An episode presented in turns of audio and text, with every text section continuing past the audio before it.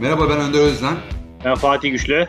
Law Podcast medya işbirliğiyle yaptığımız Fikri Mülkiyet ve Bilişim Hukuku isimli podcast serimizin 19. bölümüne hoş geldiniz. Yine stratejik fikratlar yönetimi ile ilgili serinin 3. bölümünü yapacağız ve geçen hafta Fatih ile başladığımız e, ofansif defansif stratejiler alt başlığını ikincisini bugün kaydedeceğiz. Ve burada en son geçen hafta e, yanılmıyorsam ofansif stratejilerin birinci stratejisi olan satış stratejisinde kalmıştık. Ve buradan ilerleyelim. Bir sürü strateji ve örnek var. Ben Fatih'cim satışı istersen anlatayım. Sen lisansa geç ondan sonra. O arada yine sen istediğin zaman bana ben de senin konuşmanın içine girip varsa aklıma gelen şeyler eklerim. Satışta şöyle bir şey var. Hepimizin aklına zaten satış gelir yani. Hani bu işin içinde olmasan da mutlaka elimde eğer bir fikri hak e, varsa ve bu bu bu, e, bu ürün eğer ticaretleştirilebilir bir ürünse bunu mutlaka satabileceğimi düşünürüm. E, ama burada bizim söyleyeceğimiz birkaç tane önemli nokta var. Öncelikle şöyle bir yaklaşım sergilemek gerekiyor satış kararı vermeden önce. Satış fikri hak alıcının elinde daha değerli olacaksa avantajlıdır. Yani alıcı bunu aldığında kendisi açısından çok ciddi bir yarar, fayda sağlayacaksa, ticari anlamda bir kar sağlayacaksa o zaman ona satmak isabetli oluyor ve alıcıyı seçerken de buna fikri hak sahibinin dikkat etmesi gerekiyor. Fikri hakları kullanmaya elverişli üretim ve pazarlama kapasitesinin yokluğu da satışı destekleyen bir başka e, neden. İçinde bulunduğumuz ortamda elimize çok kıymetli bir fikri ürün olabilir. Fakat biz bunu o ortam, ortama yabancı olduğumuz ya da bilmediğimiz için bunu ticarileştiremeyiz. Bu bir yerden sonra işletme üzerinde bir yük oluşturmaya başlar. Bu yükten kurtulmanın ve aslında çok daha bundan yarar sağlayacak bir o coğrafyada belki daha etkin ve tanınmış olan bir işletmeye bu fikri ürünü satmak çok daha satıcı açısından da karlı bir transaksiyona yol açacaktır. Bunun dışında düşünüldüğü kadar aslında kolay bir şey değil satış işlemi bu anlamda. Zor. Çünkü alıcılar buluşun değeri hakkında yeterli bilgiye sahip değildirler ve satıcı taklit edilme riski nedeniyle buluşu tam olarak açıklamaktan da çekinir. Böylelikle aslında iki ucu da zorlu bir süreç. Satmak isterken aslında bir yandan da bir patent varsa elimizde söz gelimi o patentle ilgili henüz daha bunu eğer kamuya arz etmediysek, alenileştirmediysek alıcıların, potansiyel alıcıların da bu buluştan haberdar olmaları mümkün olamıyor. Dolayısıyla şeyi satma pazarlığı, o fikrinin satış pazarlığı çok e, çetin geçebiliyor. Burada da satıcının elinde iki tane seçenek var. Bir tanesine İngilizce'de block to fence deniyor. Türkçesi ürünün etrafında çit çevirmek. Bu manada da baktığımızda biz ürünün etrafında çit çevirdiğimiz zaman o fikri ürün çevresinde çok fazla sayıda patent ve core yani odak inovasyonla ilgili, öz inovasyonla ilgili bir sürü patent alarak bu inovasyonu ya da ürünleşmiş olan inovatif faaliyetin sonucunu bir şekilde güçlü hale getiriyoruz. Ve üçüncü kişilerin de bunu etrafından buluş yapma motivasyonuna düşürüyoruz. Çünkü çok ciddi anlamda bir maliyet bekliyor onları. Çünkü bizim bütün bu çitin aşmaları için davalara belki de muhatap olacaklar ya da lisans bedelleri ödemeleri gerekecek. Dolayısıyla bu çift çevirmenin böyle bir şeyi var. Daha sonra da bu taklit etme maliyeti yükseldikçe bu inovatif şirket çok daha rahat bir şekilde bilgiyi paylaşabiliyor ve bu da alıcının kafasındaki belirsizliği azaltıyor ve bu manada da çok inovasyonun yanlış anlaşılmasını ya da yanlış nitelendirilmesini de engelliyor ve bir başka şey de olasılıkta şirketlerin sadece bir alıcıya bu ürünü, yeni ürünü ifşa etmesi ve bunu ifşa ettikten sonra da eğer alıcı bunu kötüye kullanırsa da bu fikri üçüncü kişilere satacağına dair bir şey yaratabiliyor. Bunlar açıkçası satışın sağlayacağı yararların önünde olabilecek engelleri kaldıran yaklaşımlar olabiliyor. Diğeri de bazıları da e, açıklayıp bu inovasyonu bir başkasına bunu verirken kendisine de bir tane e, stok opsiyonu saklı tutuyor ve kendisi de aslında oyunda kalıyor. Buna da skin in the game deniyor. Böyle bakıldığında bu iki örnekte aslında satışı kolaylaştıran bir üçüncü kişiye pazarlık sürecinde disclose ederken satıcının elini güçlendiren iki tane araç olarak önümüzde duruyor. Fatih senin bu noktada eklemek istediğin bir şey var mı satışla ilgili? Şu aşamada yok. E, bence gayet güzel anlattın. Satışla ilgili stratejileri tabii ki bu noktada bilmek e, ve öğrenmek önemli. Bunları da e, özet itibariyle gayet güzel ifade ettiğini düşünüyorum ben. O zaman istersen lisans e, stratejisine e, geçelim. Lisanslamaya da diyebiliriz buna. Orada neler oluyor, neler bitiyor biraz sen bahset istersen. Orada da güzel bir tane örneğimiz var. Yine bir şirketle ilgili 90'ların sonunda. Ondan da bahsedersin. Ben de belki aklıma gelen bazı şeyleri eklerim. Ha, tabii yani lisanslama da tabii ki şirketin fikri ve sanayi portföyünü değerlendirmesi için son derece önemli stratejilerden birisi. Hem bir yönüyle e, patent portföyünde duran patentleri e, bir ticarileştirmiş oluyor bu sayede ve bu buradan bir ekstra gelir kazanmış oluyor. Ve hatta bunu şimdi vereceğimiz örnek bazında doğru bir şekilde kullanırsa e, daimi olarak kendisine gelir de sağlamış oluyor. Tabii bu vereceğimiz örnek bazı çevrelerce müşterilerine baskı yaptığı şeklinde de nitelendirilmiş ama e, enteresan bir örnek olduğu için biz sunumlarımızda paylaşmıştık. Monsanto diye bir şirket var. Bu şirket ilaçlama e, ürünleri üretiyor ve Research and Development yani araştırma gelişme e, bölümünde son derece gelişmiş bir şirket. Bunun e, Roundup e, diye bir şey var, ürünü var.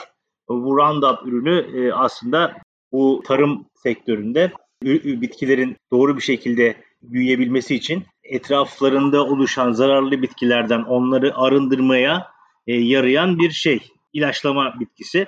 Yani yabani e, ot e, öldürmeye e, yarayan bir bitki. Böylece tarım ürünü e, bu yabani otlardan arındırıldığında en iyi şekilde gelişebiliyor. Fakat işte bunun e, bir yan etkisi var. Yani belli bir zaman aralığında bu dökülmediği zaman bu Roundup ürünü e, yabani bitkileri öldürüyor ama asıl faydalı bitkilere de mahsule de zarar veriyor. Tabi bu ürün patentli bir ürün. Bu ürünü müşterilerine bir şekilde kullanıma izni lisanslanmasını Monsanto veriyor. Fakat daimi olarak da bu ürün üzerinde geliştirme e, yapmaya devam ediyor. Geliştirme yaparken şöyle bir şey oluyor. E, bitkiler üzerinde yani mahsullerin mahsuller üzerinde run up ürününe dayanıklı bir gen geliştiriyor ve bunu bitkilere veriyor ve bu yönüyle geliştirmiş olduğu ürüne de Roundup Ready yani bitkiler bu e, zararlı e, otlar karşısında herhangi bir zamanlamaya fırsat vermeksizin yani belli bir zamanda e, sesi kısmıştım. Belli bir zaman aralığında e, e, ekilmesi gerekmiyor. Her zaman ekebiliyor. Yağmurda ekilmemesi gerekiyor. Tabii tabii her zaman ekebiliyor. O zamanlamayı beklemesi gerekmiyor. Bu yönüyle geliştirmiş olduğu yeni bir ürün, yeni bir ürün oluyor. Roundup Ready ismini veriyor bu ürüne. E, yeni yapmış olduğu ürünü e, yeni bir patentle e, patent diyor, patent belgesi alıyor ve böylece ne oluyor? Aslında bir önceki patent belgesinin yeni yapmış olduğu araştırma ve geliştirme ile patent süresini uzatmış oluyor. Tabii bu genlerle bitki üretmeleri konusundaki hakları da rakipleri dahil bir sürü müşterisine veriyor, lisanslıyor ve bu e, ürünle ilgili bu ürünü üretebilmeleri konusunda da bir lisans e, veriyor onlara. Her yeni üründe, her araştırma, geliştirme yaptığında yeni bir lisans alarak lisans vermiş olduğu daha önceki müşterilerine de bu şekliyle lisans süresini yeni lisanslar, e, yeni patentlerle lisans sürelerini uzatıyor. Tabii bu aslında e, şeye Monsanto şirketine daimi bir gelir kapısı oluyor ama bazı çevrelerce de müşterilerin nezdinde yani çünkü e, uyarılarda bulunuyor. Yani artık sizin lisans süreniz e, doluyor.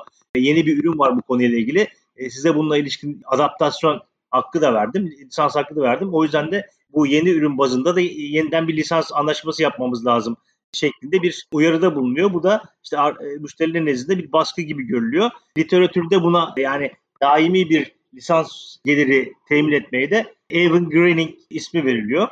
E, bu bir tabii şey e, strateji daimi olarak araştırma gelişme sonucu e, yeni üretmiş olduğu ürünlerden rakiplerine dahi e, lisans vererek kendisine bir sektör oluşturma ve o sektörü, o ürünü, yaratmış olduğu ürünü o sektör bazında genişletmek suretiyle satışını daimi gelir elde etme şeklinde bir strateji gidiyor Monsanto.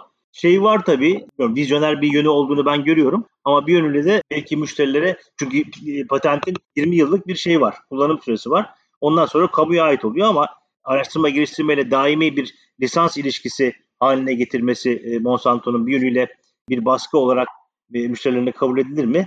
Bu da tartışmalı bir konu bu olay bazında diye düşünüyorum. Burada Monsanto aslında şöyle bir şey de var.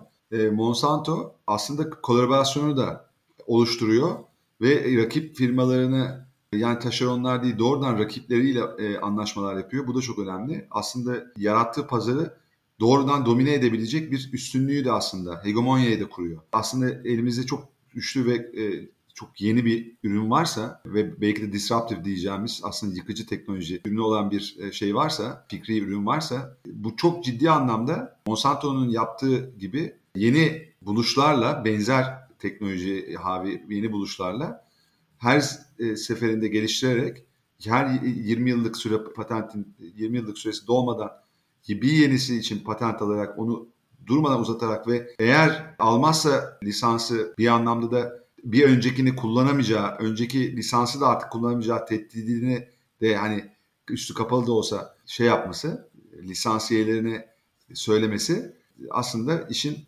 rengini senin dediğin gibi değiştiriyor ama çok da ilginç bir örnek olarak önümüzde duruyor ve en son da e, ta, yanlış hatırlamıyorsam 2020 yılında en son patentlediği ürün şey olacaktı. E, süresi dolacaktı 20 yıllık koruma süresi. Bence ondan sonra da almıştır yine tekrar. Bir süreci devam ettirmiştir bence yani. Burada bir de tabii şey var. Küçük notlar da e, var benim aklımda. Lisanslamada rekabet şekilleniyor. Burada aslında resmen Monsanto kendi lehine rekabet şekillendiriyor rekabet ortamını geliştiriyor e, ve buna bağlı olarak da kazancı arttırıyor. Rekabet ortamının aslında olması iyi bir şey. Monsanto burada rekabeti ben, e, bence çok net bir şekilde kırıyor. O noktada bence lisanslamanın temeline aykırı bir şey yapmış oluyor. Ama yani rekabet ortamı derken burada tabii rekabeti lisansladığın kişi seninle rekabet ediyor şeklinde değil de yani birden fazla insanı kullanıyor olması o teknolojiyi lisanslama yoluyla aslında orada pazarın büyümesi anlamına geliyor ve daha çok bu ürünün alıcısı veya meraklısı oluşuyor ve bu ürünü geliştirmeye de aslında teşvik ediyor. Ana patent sahibinin söz gelimi. Rakip firmaların fikri hak sahibinden daha etkili veya rakip firmaların fikri hak sahibinde olmayan kaynaklara sahip olması halinde etkili olduğu biliniyor lisanslamanın. Dolayısıyla yani mesela ben bir yeni bölgeye girmek istiyorum fakat o bölgede hiçbir tanıdığım yok. Hiçbir bilinirliğim yok.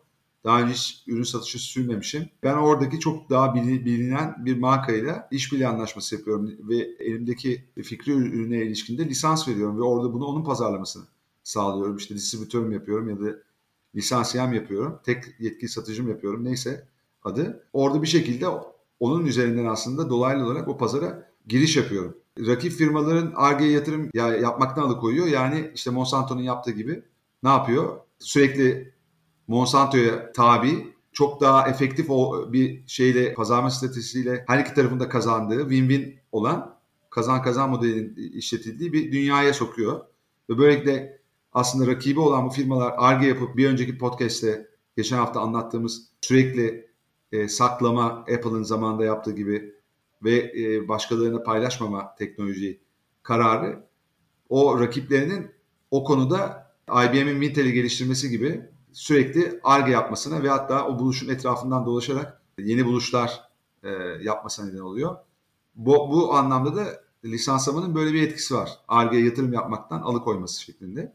Ve fikri hakları zayıf firmaların da haklarını kaybetmenin önüne geçiyor. Bu da çok stratejik bir şey. Yani ne oluyor? Ben lisanslama yaptığım zaman benden lisans alan şirketler, rakibim olan şirketler normalde eğer onların üzerine gidip söz gelimi block to fence yapsaydım ve e, etrafında çitlerle örüp çok katı bir stratejiyle yaklaşıp market gücümü yine geçen hafta bahsettiğimiz kötüye kullansaydım e, sadece ben olacağım deseydim e, bu pazarda o zaman üçüncü kişiler rakipler bana benim patentli buluşlarımın zaaflarını tespit edip kürsü davalar açabilecek noktaya gelirlerdi. Bu da tabii benim özellikle hakkım, fikri hakkım bu anlamda patent hakkım zayıfsa bu patentin hükümsüz kılması ile sonuçlanacak bir dava gibi hale getirirdi. Ama ben bunu lisanslayarak engelledim. Benim aklıma gelen lisanslama ile ilgili bu şeyler var. Buradan da işbirliği, kolaborasyon meselesine aslında girebiliyoruz. O kolaborasyonla ilgili hep söylediğimiz şeyler var. Fatih özellikle biz bugüne kadar ne diyoruz kolaborasyonla ilgili? Aslında bize en çok hoşumuza giden özellikle sanayi 4.0 döneminde olmazsa olmaz bir noktaya evrildi ve hatta soft skill'lerin çok daha öne çıktığı, duygusal zekanın da yine çok öne çıktığı bir dönemde işbirliği hiç olmadığı kadar önemli. Ve bunu anlamayanlar da açıkçası zor günler yaşıyorlar. Bu noktada neler geliyor aklına işbirliğiyle ilgili? Ya işbirliğiyle ilgili tabii yani inovasyon kültürünün içerisinde olmazsa olmaz e, öğelerden birisi işbirliği. E, bundan bahsetmiştik diye hatırlıyorum. İşbirliği tabii çeşitleri içerisinde stratejik anlamda bakıldığında standard setting organizations var. Mesela bu standard essential patents dediğimiz e, standart esasına dayalı patentler e, ülkemizde e, bir yasal düzenlemesi yok böyle bir patentin. Bunlar patent sahipleri bir araya gelerek patentlerini birleştirip bir havuz içerisinde birleştirip bir sisteme dahil eder şekilde teknoloji ürünlerinde özellikle teknoloji ürün üreten firmalardan bu patent havuzunda yer alan patentlerine yönelik bir lisans bedeli, bir royalty talep ediyorlar. E, çok basit itibariyle bunlara Standard Essential patent deniyor. Mesela te- televizyon teknolojisinde, televizyon içerisinde birçok böyle patent var. Örnek vermek gerekirse standart patent var. Efendim? Standart patent var. Öyle demek. Standart patentler. Yani mesela MPEG e, formatı vardı. Bir film e, oynatma formatıydı. Bunun mesela bir standard e, essential patent, standart patenti var. E, bunun da çeşitli formatları var. E, tabii bir televizyon teknolojisinde e, o şeyi filmi oynatırken e, ister istemez bu televizyonun e, içe, içerisinde yer alması gereken bir teknoloji. Tabii onun da bir şeyi var, patenti var ve bu patent sahipleri bu patent havuzuna patentlerini koymak suretiyle e, ister istemez güç birliği yapıyorlar ve bu teknoloji şirketleri karşısında da bu lisans bedellerini isteme konusunda daha kolay bir yoldan talep etmiş oluyorlar bu güç birliğinin getirmiş olduğu bir fayda. Aslında tabii yıllar içerisinde de şey oluyor. Yani e, uygun bir bedel olması lazım bunun. Hakkaniyete uygun diye işte tartışmalar oldu. Yurt dışında hatta bazı davalar oluyor diye hatırlıyorum. Ondan sonra da belli bir formasyona evriliyor ama hatırladığım kadarıyla yurt dışında da tam anlamıyla bu e, meselenin e, bir e, yasal düzenlemesi yok diye hatırlıyorum. E, biliyorsun bu konuda Fikri ve Sanayi Mülkiyet Hakları Derneği'nde bir çalışma yapmıştık. Fakat bugünkü gelişmeler itibariyle durum nedir? Çok da emin değilim ama ülkemizde e, buna ilişkin bir şey, yasal düzenleme ve uygulaması yok diyebilirim. Bir de şey var tabii. Orada ben bir şey ekleyebilir miyim? Bir şey ekleyebilir miyim orada Fatih? Ha, ekleyelim tabii tabii. Teknik madem biraz değindik bu standart setting organization dediğimiz bu e, organizasyonlarda bir kural var. FRAND denen kısaca, kısaca fair, reasonable and non-discriminatory dediğimiz bir şeyde yapılması lazım. Yani herkesi ayırmadan makul ve adil bir lisanslama şartı sunması gerekiyor. Burada tabii kötüye kullanılabiliyor. Onu söyleyecektiysem ben söylemeyeyim. Şeyler bazen açıklamadan standart patentlerini, patent başvurusuna konu edildiğini bu standart belirleyen organizasyonlara üye olarak bunu standart haline getiriyorlar. O patentin taşıdığı teknolojik e, unsurları. Sonradan bu standart hale geldiğinde bunu kabul ettirdikten sonra da patentleme süreci e, zaten başlatmış olan hak sahibi bu süreçte patenti de alırsa eğer şeyden çıkıp bunu kötüye kullanıyor. Bu friend denen daha makul lisanslama sürecini e, dışında tutuyor ve kötüye kullanıyor bu süreci. Bu da tabii senin dediğin bu tam da oturmadı. Sıkıntılar var galiba e, hat, yanlış hatırlamıyorsam dediğin meseleye de aslında karşılık geliyor bu söylediğim. Onu da eklemek istedim. Evet bence yerinde bir ekleme oldu. İşbirliği konusunda da bir şey de var. Tamamlayıcı ürünlerde aplikasyon üreticileriyle birlikte çalışma var. Yani mesela yani cep telefonlarını düşünelim. E, cep telefonu piyasaya sürüldüğünde bunun içerisinde birçok aplikasyon da yer alıyor. E, onlarla birlikte bu telefon üreticisi bir işbirliği içerisinde olursa hangi aplikasyonların telefonda yer alacağı veya yer almayacağı buna ilişkin bazı standartlar belirleyebilir. Yani bu standartların işte teknoloji bazı teknoloji şirketleri tarafından çok sıkı e, şartlara bağlı olduğunu uygulamada gözlemliyoruz. Bazıları da gayet şey özgür bir ortam sağlıyorlar aplikasyon kullanıcılarına. Buna mesela örnek vermek gerekirse aklıma hemen Apple geliyor. Apple'ın standartları e, kendi telefonlarında kullanması bakımından son derece şey sıkı ve sınırlı. Ya bunun şeyi var, aplikasyon kullanıcı açısından yani dezavantajı var. Ee, üretmiş oldukları aplikasyonları Apple telefonlarında kullanması konusunda, kabulü konusunda sıkıntılar yaşıyorlar. Ee, bazı serzenişlerde bulunuyorlar. Ama bir yönüyle de bakıldığında Apple böyle sıkı şartlara sahip olduğu için daha güvenilir bir telefon imajı veya algısı yaratıyor. Ee, bunun tersinde işte Samsung telefonlar da var. Onlar da daha özgür bir ortam sunuyorlar aplikasyon kullanıcılarına ve şartları daha e, serbest. Bu da tabii iyi ve kötü yönleri var. Belki iyi yönlü olarak bakıldığında daha özgürlüğüne düşkün, daha çok şeyi e, aplikasyonu telefonda kullanma özgürlüğü arayan müşteriler belki de bu markanın telefonlarını kullanmak istiyorlar. İşte bu burada yine yine dikkat edersek üreticinin bir stratejik yaklaşımı var diye gözlemliyoruz. Bunun artı yönleri olabilir, eksi yönleri olabilir. Bunları da işin başında yine değerlendirmek gerekiyor. Bir de bir başka şey daha var işbirliği içerisinde e, bakıldığında açık inovasyon. Bu da son yıllarda son derece yaygınlaşan şirketlerin e, birçok teknoloji şirketin özellikle istediği, aradığı bir e, durum haline geldi. Açık inovasyonda da bir ürün geliştirme ile ilgili fikirleri toplumdan, kişilerden talep ediyor şirket. Onların fikirleri konusunda belli şartlar dahilinde kendi şirketin nezdinde değerlendireceğini söyleyerek bu fikirler e, bazında fikirler havuzu oluşturarak bunları değerlendirip bunların içerisinden uygun gördüklerini değerlendirip ürün geliştirme yapıyor. Bu da işbirliğine stratejik anlamda bir başka örnek olarak verilebilir. Senin var mı bu konuda ilavelerin? Açık inovasyonla ilgili şunu da söyleyeyim. Burada e, mantık şu yani kullanıcı inovasyonu şeyini e, geliştirmek e, kültürünü işte bu e, aplikasyon geliştiriciler de böyle e, kullanıcılardan da oluşabiliyor. Buradaki şeylerden biri de patent sahibinin inovasyona açık hale getirdiğinde yani inovasyonunu paylaştığında ve bunun kullanıcılar tarafından geliştirilmesine izin verdiğinde aslında bir lisanslama da yapmış oluyor. Bu lisanslama içerisinde de en önemli şartlardan biri, bunun çok farklı şeyleri de var. Bizim e, web sitemizde de var.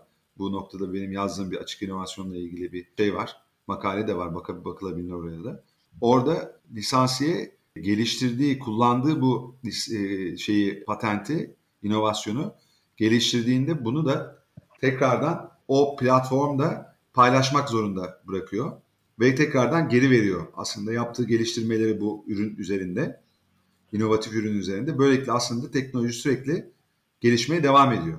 Yani açık inovasyonun temelinde aslında bunu başlatan şirketin stratejik açısından açıdan bakarsak devamlı o teknolojinin aslında ana sahibi onu sürekli geliştirilmesine olanak sağlıyor. Kendisinin yapamayacağı kadar yoğun ve hızlı bir şekilde geliştirilmesine sebebiyet veriyor ve bunu da sürekli açık lisanslama da yaparak bu anlamda şu kapalı lisans açık lisans iki kavram da var lisanslamada. Açık lisanslama da yaparak onu geri vermekle yükümlü tutuyor e, kullanıcıyı ve kimse yarattığı şeyi teknoloji üzerinde yarattığı yeniliği kendi indinde tutamıyor tek başına. Bu da aslında açık inovasyonu hem takibi ve şeyi aslında kolay olmayan ama teknoloji geliştikçe bu takip monitoring dediğimiz e, takip e, şeyini geliştiği bir dünyada da çok daha sık başvurulan güvenilir bir inovasyon çeşidi, inovasyon faaliyeti haline getiriyor. Buradan itibaren sanırım bağışlama denen başka ofansif stratejiye geliyoruz. Bu bağışlamada da stratejik ve stratejik olmayan kullanım şekilleri göze çarpıyor. Stratejik olmayan kullanım şekline Wikipedia gibi bir aslında platform e, çok cuk oturan bir örnek. Buraya insanlar giriyor ve bilgilerini hatta bazen eserlerinin belli e, bölümlerinde vesairelerini paylaşıyorlar. Ve bu şekilde aslında kaynak yaratılıyor. Wikipedia gibi bir ansiklopedi, online ansiklopedi oluşuyor.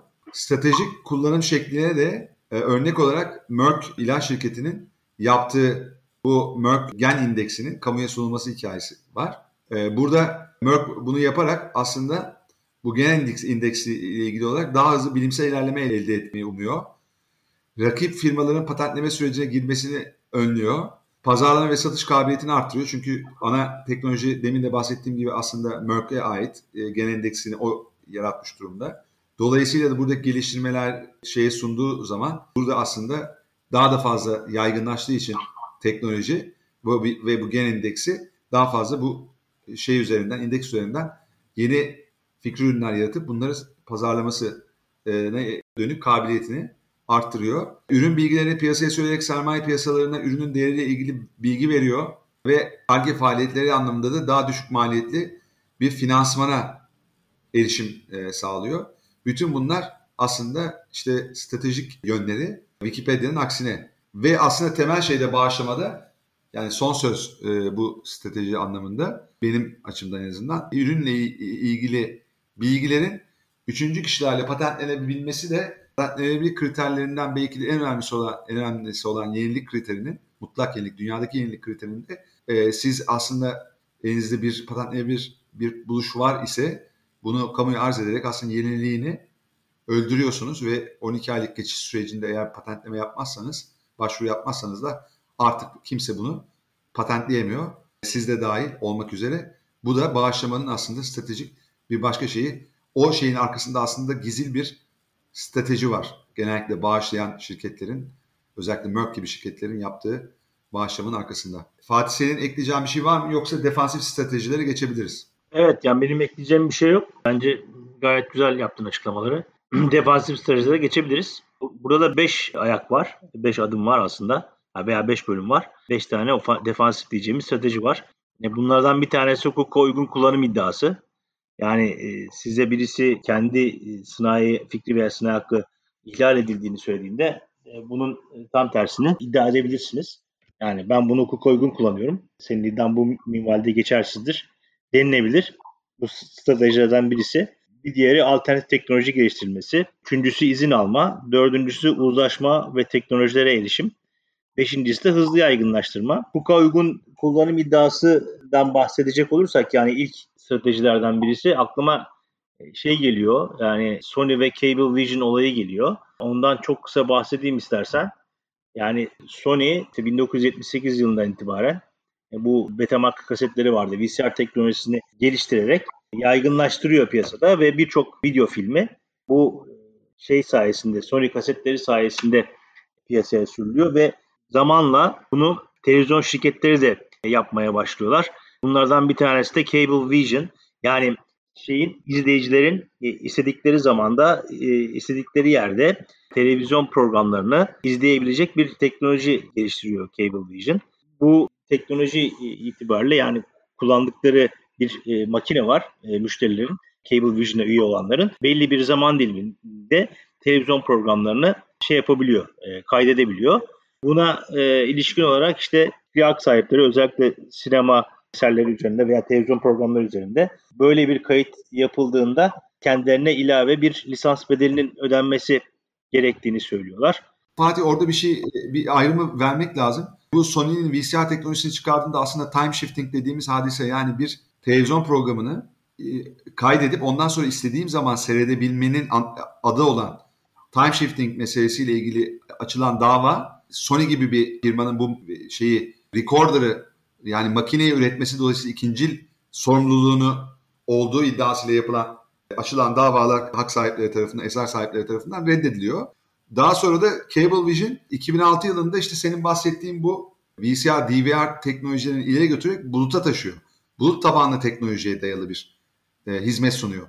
E, onu e, da ben söylemek istedim. Bu iki firmanın e, birisi 70'lerde 80'lerde yap yaparken diğeri 2000'li yıllarda bunu yapıyor ve teknoloji e, e, bilinen durumunu ileri götürüyor, ileri taşıyor. Evet yani orada şey var yani zamanda kaydedilme olayında ikinci sorumluluğunu bir şekilde Cable Vision şirketi geliştirerek 2006 yılında bunu bulut, bulut teknolojisiyle birleştirerek her müşterisinin televizyon programını istediği yerde e, istediği zamanda vermiş olduğu uzaktan hizmet e, vasıtasıyla e, izleyebilecek bir noktaya getiriyor. Yani ben işte nasıl söyleyeyim kaydediyorum şeyi ama bir yönüyle de mesela trende giderken telefonumdan o programı izleyebiliyorum. O program o anda yayınlanmamış. Yayınlanmıyor olsa dahi böyle bir şey getiriyor. Tabii film ve işte televizyon programı, işte yarışma programı veya show programı telif hakkı sahipleri buna ilişkin olarak e, tamam e, e kaydedilsin ama e, bize de bir yönüyle ilave bir lisans bedeli ödensin şeklinde Cable Vision'a talepte bulunuyorlar.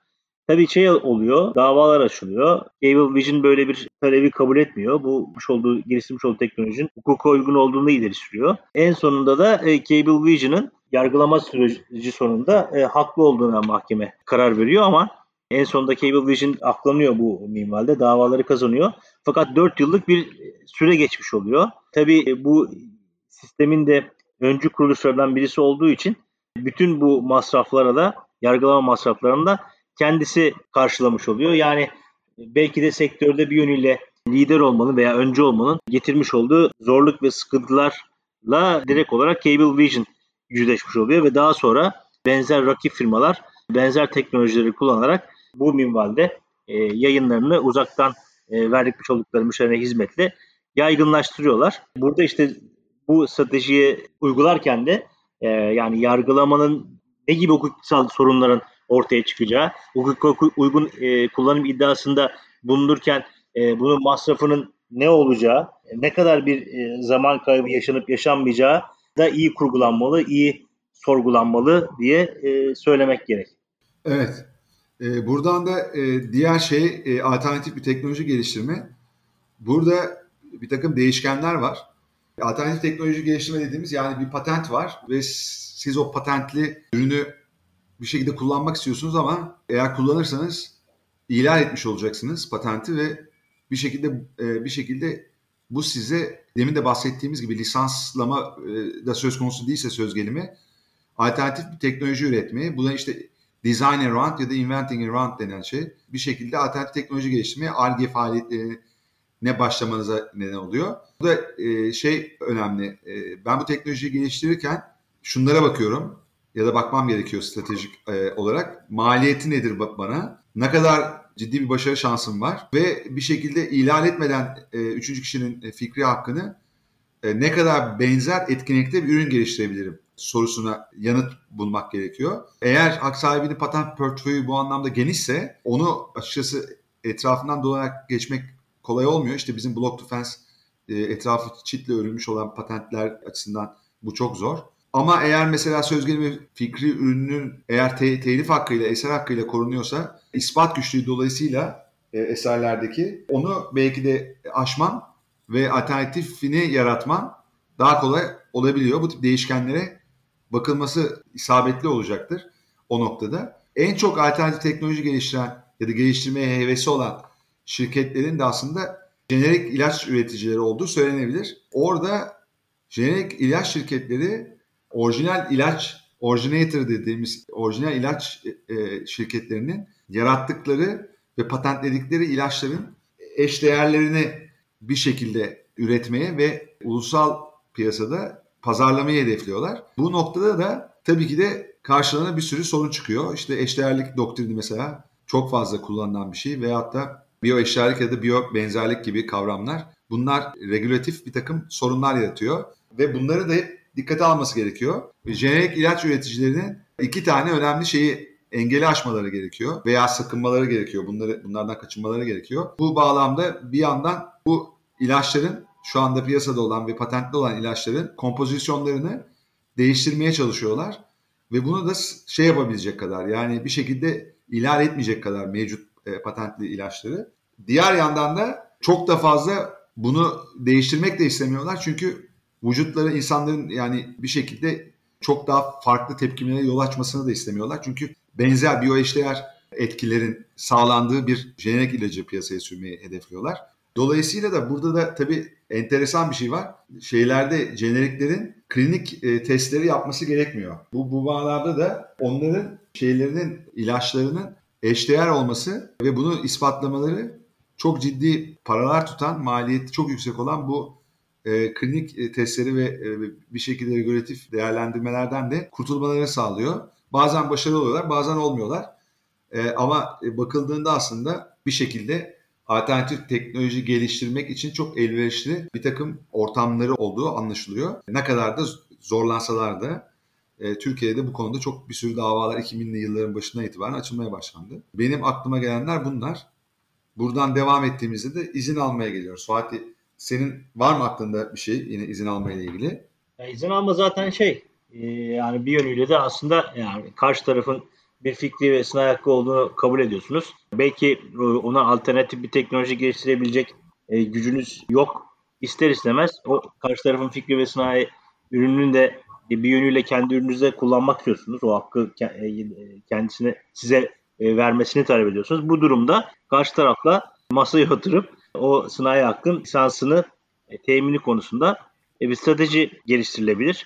E, bu da defansif stratejiden birisi. Yani bir yönüyle aslında yani uzlaşmaya benzer bir strateji ama kendi şeyin mesela standard essential patents yani aslında genelde uygulamada size geliyorlar ama bu yönüyle siz bu teknolojik ürün üretiyorsunuz ve orada bir bu patent havuzunun toplandığı bir yer biliyor, biliyorsanız mecbur bu yere başvuracaksınız ve oranın lisanslarını alacaksınız. Bilinçli basiretli bir tacirseniz gibi düşünülebilir. Benim aklıma gelenler bu şekilde. Şey var burada yani izin almak niye izin almak? Çünkü işte network etkileri dediğimiz bu şeyler var. Direkt network etkisi, dolaylı network etkileri vardı. Anlatmıştık bu market gücünü kullanmada özellikle. Bizim de hani burada network etkilerinden nasıl yararlanabileceğini eğer hesaplayabildiyse şey e, yani bunu kullanmak isteyen e, çok ciddi anlamda izin alarak sürecini hızlandırabilir. Ticaretleştirme sürecini yine hızlandırabilir. İzin aldığı için ürüne çok çabuk kavuşacağı için ve satabileceği için bu da onun ticari yaşamını aslında kolaylaştırır ve esnekliğini aslında e, arttırır. Arge'li de zaman kaybetmekten kurtulur. Hem de masraf yapmamış oluyor Arge'li de yani hem zaman hem masraf. Burada lisansla izin alma aslında farklı iki strateji olarak duruyor. Burada çünkü bazen lisans verilmiyor veya antitrust trust sorunu oluşabiliyor ya da alternatif teknoloji üretebilme durumu ol, olabiliyor ve e, bu, bu da aslında pazar şansını yükseltiyor. Bu, bu bağlamda da alternatif teknoloji ürettiğinde önceki hak sahibi aynı teknolojiyle ilgili bir şekilde bu alternatif teknolojiyi kullanmak isteyebiliyor. Bu sayede de izin vermek durumunda kalıyor. Bağlı patentler dediğimiz meselenin aslında özü de bu. Bir patentli bir buluşunuz var, bir ürün var. Ürünü e, alternatifini ya da geliştirerek daha yeni bir ürün yaratıyorsunuz. Fakat bir önceki patente de patent de alabilirsiniz. Bağlısınız. Dolayısıyla eğer belki yeni olduğu için patent alabiliyorsunuz ama kullanırsanız tecavüz edecek falan. Bunun manada da izin alma e, zorunluluğu var. O izni vermek için de diğer tarafın geliştirilen teknolojiyi bir adım ileri götüren, önceki tekniği ileri götüren buluşu teknolojiyi kullanmak istemesi lazım. Bunlar hep bu bunlar işte stratejik. Neden biz bunları anlatıyoruz? Niye bu e, bölümü yapıyoruz? İşte bu sebeple. Sonra bir de uzlaşma teknolojiye erişim var. O da çok hızlı bir şekilde aslında ben hızlıca e, izin verirsen söyleyeyim Fatih'ciğim. Ford'la gene, e, e, General Motors e, Motors'un arasında yaptığı çok uzun yıllar süren patent portföylerini birbirleriyle e, cross e, license yapıp yani çapraz lisanslayarak bir şekilde e, birbirlerine karşı dava açmadan yani Apple ve Samsung'un tüm patentleri açısından yapamadıkları gibi yapmayı başararak bir şekilde teknolojileri daha rahat uyku uyuyarak geliştirmeleri ve sadece işe odaklanmaları sağlamış ol, olabiliyor. Dolayısıyla uzlaşma teknolojiye erişimi de bu manada geliştiriyor. Bir de Canon örneği var. Canon burada çok öne çıkıyor. Çapraz lisanslamada şeyi şu, o patent portföyü çok geniş bir şirket. İhtiyacı olan patentleri, teknolojileri sahipleriyle kendi patent portföyünde bulunan patentleri match edip bir şekilde karşı tarafın kendisi lisans vermesini sağlıyor. Veya kendisini ilan edecek bir kişiyi uyarırken bana eğer elindeki onun patentlerini de inceliyor. Elindeki tabi patent inceleme ve şeyi çok önemli. Burada ilan analizleri falan çok sık yapan, çok sağlam yapan bir şirket e, olması gerekiyor. Canon gibi. Ki bilsin rakiplerinin patentlerini ve ona göre eğer onlar ihlal edecek ise kendi patentlerini bu şeyi çapraz lisanslamaya dönüştürüp onların işine yarayacak olan patentini kullanmaya imkanı yaratmasına neden oluyor ve Canon aslında bu manada çok akıllı bir e, teknoloji şirketi denilebilir. Son olarak da hızlı yaygınlaştırma var. Onu da sana bırakıyorum Fatih'ciğim. Hızlı yaygınlaştırma yine az önce vermiş olduğumuz örnek bazında e, Sony e, şirketinin yapmış olduğu bu VCR'lar e, Betamax e, kasetlerin son derece e, popüler hale gelmesi e, sayesinde yaklaşık Amerika'da 80 milyon ailenin evinde girerek video filmlerin yine o aile üyelerinin evlerinde bu sefer istedikleri zamanda izlenmesi imkanını sağlamıştı. Tabi bu burada yine copyright sahipleri, e, fikri hak sahipleri bu şekilde izlenilmesi bazında yine bir taleplerini ileri sürdüler ve Sony şirketinin hani kaset üreticisi olmasına rağmen ikincil e, bir sorumluluğu bulunduğunu beyan ettiler. Tabi burada şu da var. E, o kasetler satıldığında e, televizyondaki programların işte veya filmlerin video e, oynatıcı ve kaydedici sahipleri tarafından kasetlere e, kaydedilmesi e, imkanı da vardı. O nedenle de zaten ikinci sorumlu olarak e, fikri hak sahipleri Sony şirketini sorumlu tutmuşlardı. Bu ürün o kadar Sony şirket tarafından iyi pazarlanıyor ve e, topluma yaygınlaştırılıyor ki açılan davalar sonunda aslında Sony şirketi mahkeme kararıyla e, bu ikinci e, sorumluluğu iddiasından kendini kurtarıyor. Bir de şey var tabii yani bir başka örnek daha var benim aklıma gelen. İşte ben bir müzik sever olarak zamanında İngiliz sanatçı vardı Susan Vega diye. Onun çok meşhur bir e, Tom's Dinner isminde bir şarkısı vardı. Fakat işte 1990'lı yılların sonuna doğru bir İtalyan e, prodüktör aracılığıyla işte DNA isminde bir grup bu şarkının remixini yaptı ve Susan Vega'dan, bestecisi olan Susan Vega'dan telif hakkını almaksızın yaptı. Fakat e, yapılan bu remix o kadar fazla tuttu ki çok fazla satıldı. Çok fazla satılınca da yani başta telif hakkı alınmasa bile sanatçıyla yani Susan Vega ile masaya oturuldu ve bir yerden sonra bu yapılan çalışmanın e, lisansı sanatçıdan alındı. Bu da aslında yani müzik piyasası bakımından hızlı yaygınlaştırmaya verilebilecek başka bir örnek olarak ben aklıma geliyor. Tabii başka e, yine yani 2000'li yılların başında e, ortaya çıkan bir başka örnek daha var. Napster örneği. Yine yani bir iyi bir müzik dinleyicisi ve arşivci olarak ben böyle bir e, programla karşılaştığımda e, son derece heyecanlanmıştım. Çünkü bu program sizin e, MP3 formatında bilgisayarınıza kaydetmiş olduğunuz müzik parçalarını dünyanın öteki tarafından aynı programı kendi bilgisayarına yüklemiş birisiyle paylaşabilmenizi veya ondan e, müzik parçasını MP3 formatında sizin kay- bilgisayarınızda kaydetmenizi sağlıyordu. Download dediğimiz sistemle. Tabi o zamanlar bu son derece yeni bir teknolojiydi ve çığır atacak bir teknoloji olarak görülüyordu.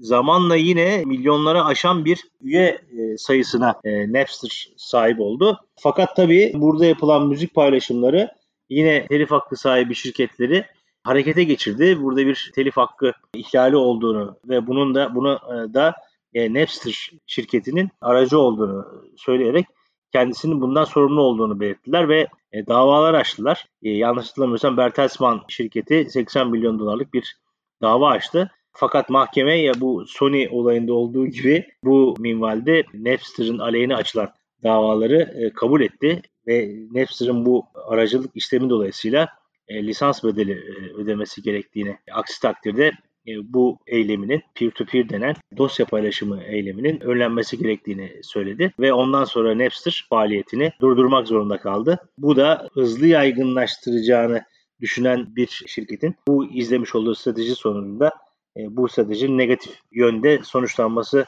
bazında e, verilebilecek e, bir başka güzel örnek. Yani iki tane olumlu örnek verdik. Bu da bir negatif örnek oluyor hızlı yaygınlaştırma konusunda. O yüzden de hızlı, hızlı yaygınlaştırma her zaman içinde risk barındıran bir strateji olarak görülmesi lazım. Aynen. Ben açıkçası hızlı yaygınlaştırmayı ilk incelediğimde şey olmuştum yani bir yandan tebessüm etmiştim bir yandan da çok üzülmüştüm.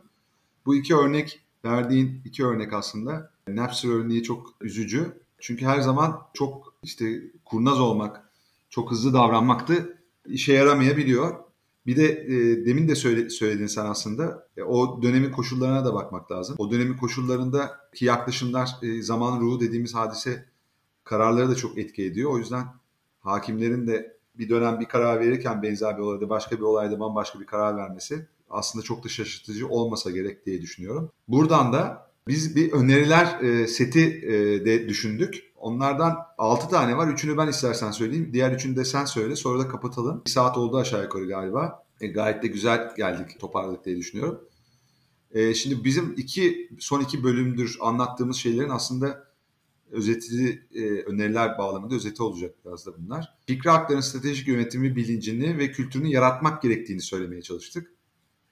Burada iyi örneklerden bir tanesi Microsoft Kinect eğlence sistemiydi. Xbox 360 oyun konsolu. Ve strateji formülasyonu ve uygulamasında rol alan hukukçular olmalı ve stratejik partner haline gelmeliler. Şirketlerde de uzman hukukçular bu bağlamda fikri haklar stratejisi ilgili alınacak kararlarda bir şekilde önemli bir rol üstlenmeliler. Ve bu e, rol onlara şirket yöneticileri tarafından üst yöneticileri tarafından verilmeli. Tek bir stratejiye bağlı kalmamak ve tam aksine geniş bir perspektifle düşün, etmek çok daha isabetli olacaktır demeye çalıştık. Fikri hakları paylaşarak değer yaratmak özellikle içinde bulunduğumuz dönemde dönüş sanayi devriminin hüküm sürdüğü, sürdüğü bu dönemde fazlasıyla önemli. Kolaborasyon artık içine kapanan, kapalı yaşayan, teknolojisini paylaşmayan, açık inovasyonu reddeden, çağın gerçeklerinden kopuk e, şirketleri açıkçası dışlıyor ve onların çok daha başarılı olabilecekken